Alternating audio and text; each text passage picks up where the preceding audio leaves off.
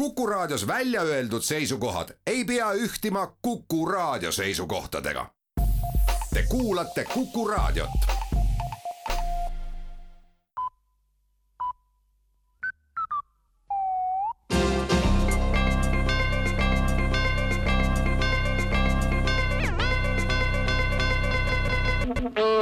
tere kuulama uudiseid stuudios Rohke Debelak valitsus otsustas eile lisaks paljudele eelnenud tõstmistele veel tõsta, pärast põhjalikke arutlusi otsustati tõsta tuju. esialgu tõstetakse inimeste tuju viis protsenti ja kui sellest vajaka jääb, siis tõstetakse tuju veel kuue protsendi võrra tuju tõstmise peamiseks põhjuseks on tõsiasi, et valitsus ei ole viimaste aastakümnete jooksul midagi teinud elanikkonna tuju tõstmiseks ja seekordne aktsioon on seega igati teretulnud. tuju tõstetakse esmajärjekorras tujututel inimestel ja paljudel tõstetakse tuju ka tagantjärele.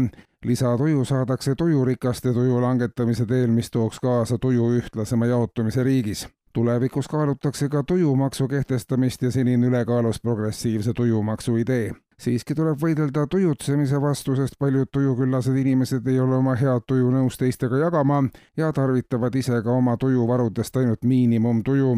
sellisel juhul on riik sunnitud kohale tulema ja tuju ära rikkuma veel kinnitas valitsus eile teeseaduse muudatused, mis annavad rahapuudusesse jäänud teedeehituse rahastamisse täiendavaid vahendeid kõige suurema panuse annavad kevadest alates autojuhid, erinevate liiklusrikkumiste eest on ette nähtud teatud arv teopäevi, millede jooksul liikluseeskirjade vastu eksinud autojuht on kohustatud osalema tee-ehitustöödel. lahtise turvavööga sõit tähendab kahte teopäeva maanteel, näitena joobes juhtimiselt tabatud autojuht aga peab tegema kolmkümmend teopäeva ja kasutama oma sõidukit ka asfaldiveoks ja teisteks vajalikeks teetöödeks teopäevad ja autojuhtide isiklikud sõiduvahendid annavad ühise panusena kokku kava kohaselt kuni seitsekümmend protsenti selle aasta teetööde kogumahust.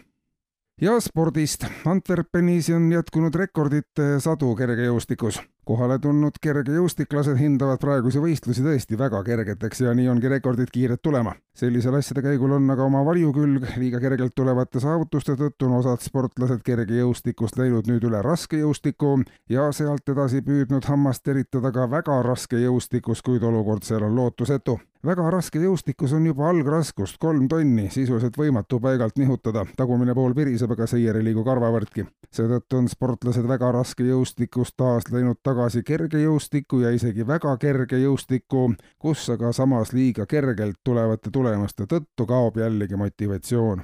olukord jõustikus laiemalt on lootusetu ja ilmast ka. ilmajaama andmetel on täna Eestis valdavalt pilves selgimistega ilm, õhtupoolikul võib Põhja-Eestis hakata taevast tulema väikeseid poisse ja pussnuge. sotsiaalmajandusliku kliima tõttu aga võib väikeste poiste pilv ka seekord siiski Eestist mööda minna. kuulsite uudiseid